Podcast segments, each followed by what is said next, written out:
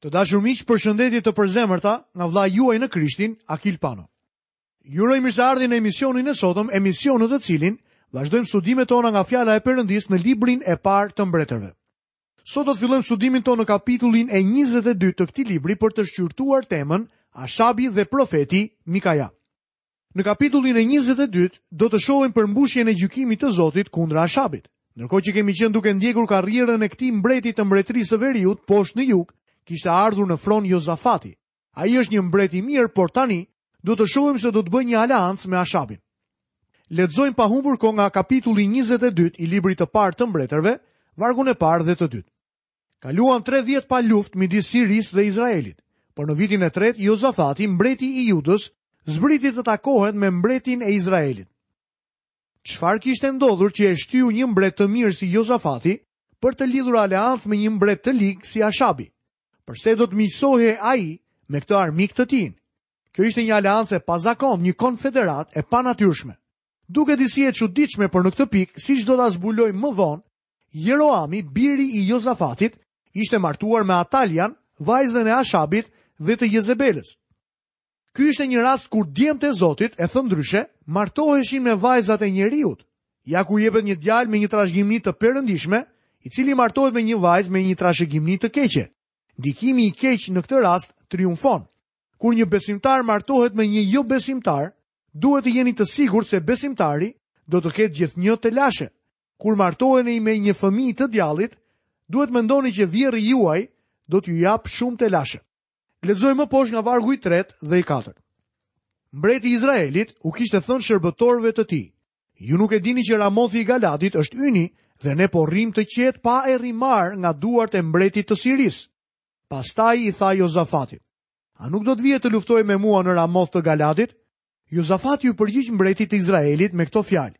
Ki besim tek unë, ashtu siç tek vetja jote, te njerëzit e mi si te njerëzit e tu, mbi kuajt e mi ashtu siç ke besim te kuajt e tu.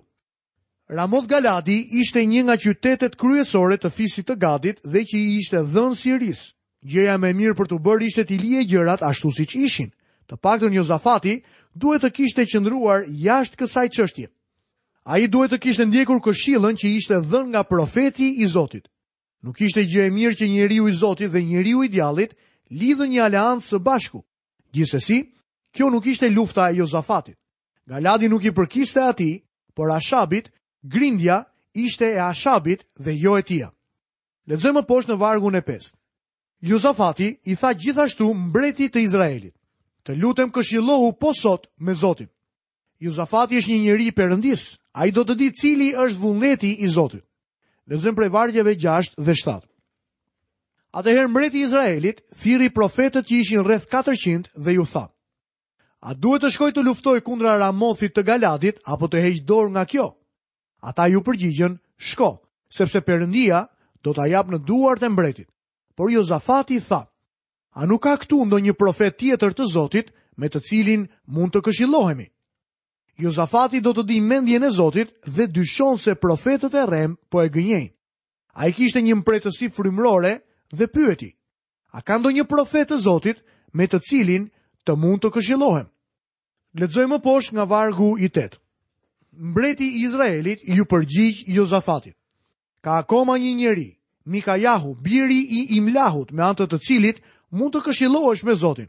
Por unë e urrej sepse nuk profetizon kurrë asgjë të mirë lidhur me mua, por vetëm të keqen.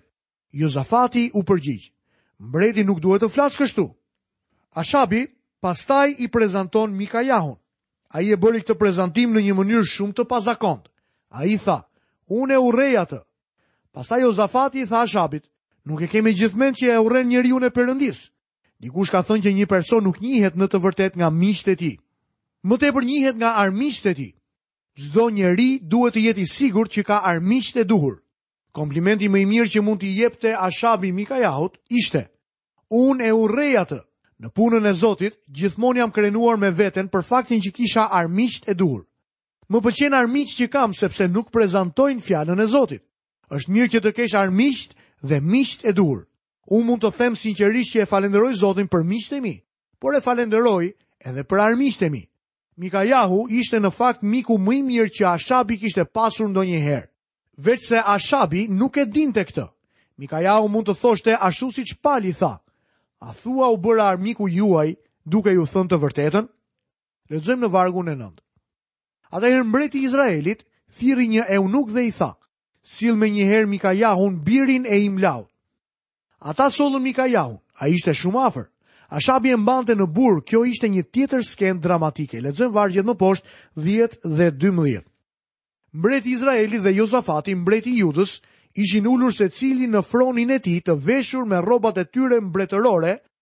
në lëmin që ndodhet në hyrje të portës së Samarisë dhe tërë profetët profetizonin para tyre.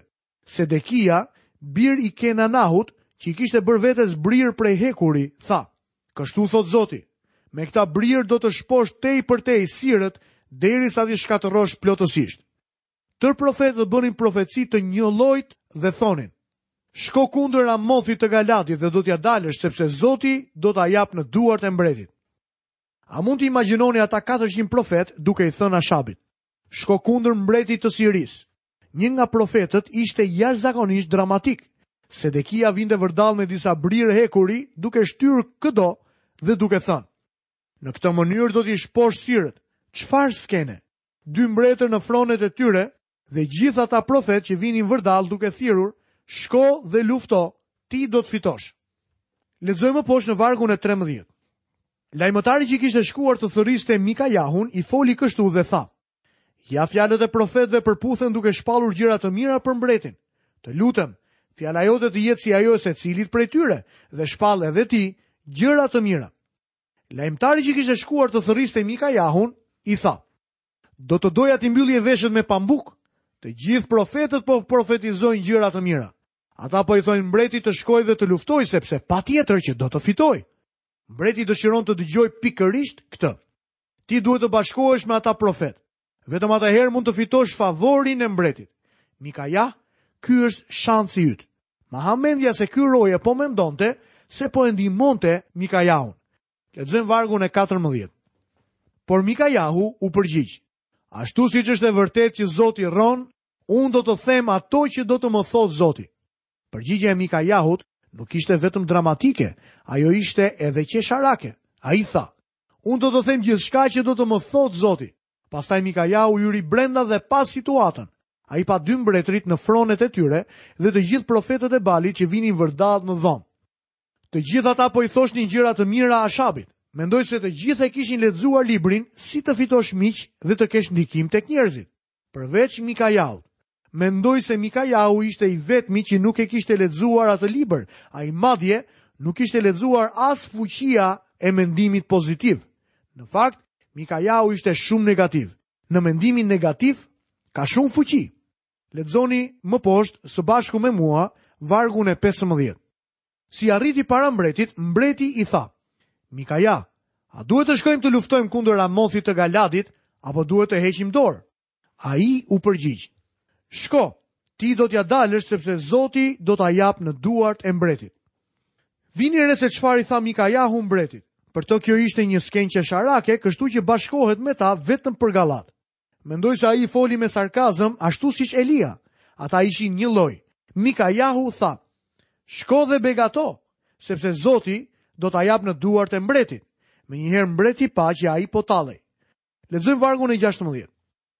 Atëherë mbreti i tha, sa herë jam përgjëruar të më thuash vetëm të vërtetën në emër të Zotit. Mbreti i tha Mikajahut, E di që po tallesh me mua sepse ti nuk ke qenë asnjëherë në anën e profetëve të rremë. Papritur Mikajahu bëhet serioz dhe solemn. Lexojmë më poshtë vargun e 17 dhe të 18.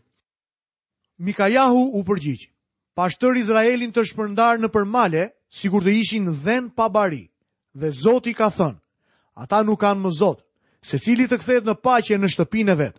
Mbreti i Izraelit i tha Jozafatit, A nuk të kisha thënë unë që në lidhje me mua, ai nuk do të profetizonte asgjë të mirë, por vetëm të keqen. Mbreti i Izraelit i tha këto fjalë Jozafatit. Të thashë, që ai nuk do të thoshte gjë tjetër veçse të keqen për mua. Pastaj Mikajahu tha, prit pak, unë nuk kam mbaruar ende, dua të them edhe diçka tjetër dhe ti duhet të dëgjosh. Dhe ai jep edhe një shëmbëlltyrë. Ju mund ta quani atë një shëmbëlltyrë absurde. Ajo është një shëmbëlltyrë e pavend, një shëmbëlltyrë kontrasti. Ju nuk keni për të gjetur shëmbëlltyra të tilla tek mësimet e Zotit tonë të regjistruara në Ungjillin e Lukës. Merrni për shembull shëmbëlltyrën e gjykatësit të padrejtë. Perëndia nuk është një gjykatës i padrejtë.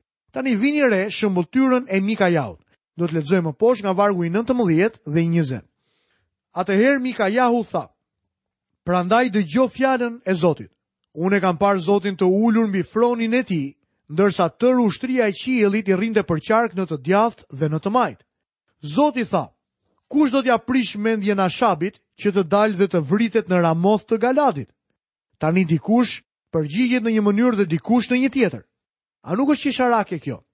A mund ta imagjinoni Zotin duke bërë një mbledhje me bordin e drejtuesve në qiell, duke i pyetur se çfarë duhet të bënte në një rast të tillë? Perëndia tashmë e di se çfarë do të bëjë. Ai nuk ka nevojë për ndonjë këshillë. Lexojmë vargjet 21 dhe 22. Atëherë doli një frymë që u paraqit përpara Zotit dhe tha: Do t'ia prish mendjen unë. Zoti i tha: Në çfarë mënyre? Ai u përgjigj: Do të dal dhe do të jem fryma e gënjeshtrës në gojën e tërë profetëve të tij. Zoti i tha, do t'ia dalësh me siguri ta mashtrosh, dil dhe vepro ashtu. Imagjinoni këtë. Zoti tha, o i zgjuari im i vogël, si nuk më vajti mendja më parë. Lexojmë vargun e 23. Prandaj Zoti ka vënë një frymë gënjeshtre në gojën e të gjithë profetëve të tu, por Zoti parashikon fatkeqësira kundër teje. Kjo ishte mënyra më e mirë se si Mikajahu mund t'i quante këta profetë një tufë gënjeshtarësh. Lexojmë vargjet 24 deri 27. Atëherë Sedekia, biri i Kenanaut, u afrua dhe i ra me një shpullë Mikajahut duke i thënë, nga kaloi fryma e Zotit kur doli nga unë për të folur me ty? Mikajahu u përgjigj, do ta shohësh ditën që do të shkosh në një dhomë të brendshme për t'u fshehur. Atëherë mbreti i Izraelit tha, Merre Mikajahun dhe çoje tek Amoni, guvernatori i qytetit dhe tek Joasi, biri i mbretit dhe u thuaj atyre, Kështu thotë mbreti, Futeni këtë në burg dhe ushqejeni me bukë dhe me ujë hidhërimi, derisa të kthehem shëndosh e mirë. Sedekia, profeti i rremë, i ra me shuplakë Mikajahut. Kjo ishte një fyerje ekstreme. Në përgjigje të fyerjes, Mikajahu tha se do të vinte dita kur profeti i rremë do të fshihej në terror. Do të vinte ajo kohë kur Ashabi të vdiste dhe Izraeli të mundej. Pastaj Sedekia do ta njihte të vërtetën. Lexojmë më poshtë vargun e 28. Atëherë Mikajahu tha: Në rast se ti do të kthehesh shëndosh e mirë, kjo do të thotë se Zoti nuk ka folur nëpërmjet meje dhe shtoi: Dëgjoni o popuj të tërë. Mikajahu i tha Ashabit që ai nuk do të kthehej më. Por në rast se do të kthehej, atëherë profecia e bërë nga vetë Mikajahu nuk ishte një profeci e vërtetë nga Perëndia. Pastaj Mikajahu tha, Ashab, ti nuk do të kthehesh më. Unë dua që njerëzit të dëshmojnë që kam folur të vërtetën.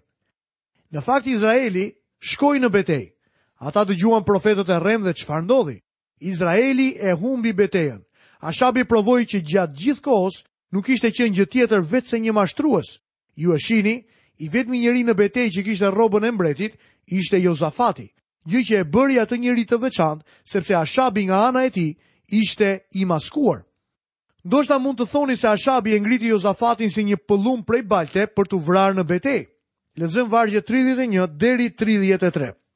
Mbreti i Sirisë u kishte dhënë këtë urdhër 32 kapitenëve të qerreve të tij, duke thënë: Mos luftoni kundër askujt, i madh apo i vogël qoftë, por vetëm kundër mbretit të Izraelit. Kështu kur kapitenët e qerreve panë Jozafatin, ata thanë, Ky është me siguri mbreti i Izraelit, dhe u kthyen nga ai për ta sulmuar, por Jozafati lëshoi një ulërimë. Kur kapitenët e qerreve e kuptuan që nuk ishte mbreti i Izraelit, hoqën dorë nga ndjekja. I gjori Jozafat, pothuajse e humbi jetën në betejë për shkak të dinakërisë së Ashabit. Lexojmë poshtë në vargje 34 dhe 35. Por një njeri lëshoi rastësisht një shigjetë me harkun e tij dhe goditi mbretin e Izraelit midis sythave të parzmores së tij. Prandaj mbreti i tha karrocierit, kthehu dhe më ço jashtë rrëmujës sepse jam i plagosur. Por beteja qe aq e ashpër atë ditë, saqë mbreti u detyrua të qëndrojë në qerren e tij përpara sirëve dhe vdiq aty nga mbrëmja. Gjaku i plagës kishte rrjedhur në fund të qerres. Ashabi nuk u vra nga një ushtar që donte ta godiste. Mbreti nuk ishte shënjestra e tij dhe ushtari nuk e goditi Ashabin, por shigjeta e kapi krejt pa dashur.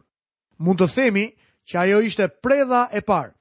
Mendoj se ai do të ketë qenë një ushtar i thjeshtë me shigjetën e fundit në kukurën e tij. Ai me siguri nxori shigjetën, e futi në harkun e tij dhe e lëshoi. Nuk e dinte se ku do të shkonte. Vdekja e Ashabit duhet të regjistrohet si një rastësi, por në raportin e Zotit, ajo ishte e paracaktuar. Ajo shigjetë e kishte një synim. Perëndia përdor një armë shumë të ashpër. Ai përdor harkun dhe shigjetat. Në Psalmin 64 dhe vargu i 7 lexojmë: Por Perëndia do të hedhë kundër tyre shigjetat e tij dhe ata do të rrëzohen papritur. Ka njerëz sot që mendojnë se i kanë shpëtuar dorës së Zotit, por dua t'ju them se Zoti ka një shigjetë me emrin tuaj në të. Në një nga këto ditë ajo do t'ju gjejë. Nuk ka rëndësi se sa shumë përpiqemi për të mashtruar apo për t'i mbuluar fajet tuaja, ajo shigjetë një ditë do t'ju gjejë. Kështu i ndodhi edhe Ashabit. Lexojmë vargje 37 dhe 38. Kështu mbreti vdiq dhe u çua në Samari, pastaj u bë varrimi i mbretit në Samari. Pas kësaj lanë qerren dhe armët në një hauz të Samarisë dhe qentë lëpinë gjakun e tij, sipas fjalës që kishte thënë Zoti. Ndodhi me të vërtetë ekzaktësisht ajo që kishte predikuar Zoti me anë të Elias. Ashabi vdiq dhe gjaku i tij u lëpi nga qentë në të njëjtin vend ku vdiq Nabothi. Lexojmë poshtë vargun e 43. Ai ndoqi tërë rrugët e Asas, atit të tij, dhe nuk u largua prej tyre duke bërë atë që është e drejtë në sytë e Zotit. Megjithatë vendet e larta nuk u hoqën kështu populli vazhdonte të ofronte flijime dhe të digjte temjan në vendet e larta. Kjo ishte një shenjë kompromisi që Zoti nuk mund ta bekonte dhe as nuk e bekoi në jetën e Jozafatit. Kështu është më se e dukshme që ky njeri ishte një person që bënte kompromis dhe përsëri renditet tek mbretërit e mirë, sepse i shërbeu Zotit në jetën e tij personale. Lexojmë vargun e 44. Dhe Jozafati jetonte në paqe me mbretin e Izraelit. Ky ishte një gabim që ai nuk duhet ta kishte bërë. Në librin e dytë të Kronikave lexojmë se profeti Jehu takoi Jozafatin kur po kthehej nga vizita e tij tek Ashabi. Por shikuesi Jehu, biri i Hananit, i doli përpara dhe i tha mbretit Jozafat, A duhet të ndihmoje ti një të pafe dhe të doje ata që urrejnë Zotin? Prandaj mëria e Zotit është mbi ty. Megjithatë janë gjetur tek ti gjëra të mira, sepse ke hequr nga vendi Asherothët dhe zemra jote është përpjekur për të kërkuar Perëndinë. Asherothët ishin një vend imoraliteti, por vendet e larta ku bëheshin ofertat ndaj Balit nuk u hoqën. Jozafati bëri kompromis. Lexojmë më poshtë vargun 48 dhe 49. Jozafati bëri që të ndërtohen anije në Tarshish për të vajtur në Ofir që të kërkohej ar, por anijet nuk arritën kurrë të dalin në det sepse u shkatërruan në Estin Geber. Atëherë, Ashaziahu, biri i Ashabit, i tha Jozafatit, Lejo që shërbëtorët e mi të hipin mbi anijet bashkë me shërbëtorët e tu, por Jozafati nuk pranoi. Shohim që djali i Ashabit që kishte ardhur në fron në mbretërinë e veriut, donte që Jozafati të bashkohej me të në një çështje biznesi. Këtë herë do të ishte një mision paqësor, por Jozafati nuk do të bënte më kompromis sërish. Ai tha, "Jo faleminderit, nuk më intereson më ky lloj biznesi."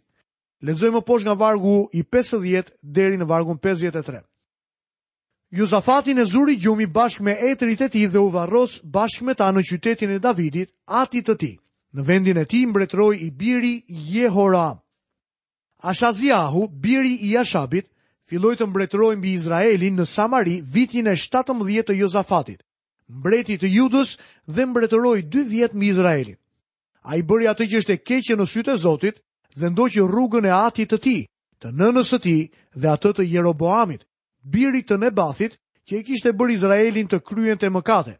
U vu në shërbim të Balit dhe ra përmbys përpara tij, duke shkaktuar zemërimin e Zotit, Perëndisë së Izraelit pikërisht, ashtu siç kishte vepruar dhe i ati. Ashaziahu, biri i Ashabit, filloi të mbretëronte mbi Izrael në Samari. Ai mbretëroi për dy vjet dhe ndoqi gjurmët e Ashabit dhe të Jezebelës. Të dashur miq, këtu kemi mbërritur dhe në fundin e emisionit të sotëm. Nga vëllai juaj në Krishtin Akil Pano, paçi të gjitha bekimet e Perëndisë dhe paqen e tij në jetën tuaj. Bashkë mirudëgjofshim në emisionin e ardhshëm.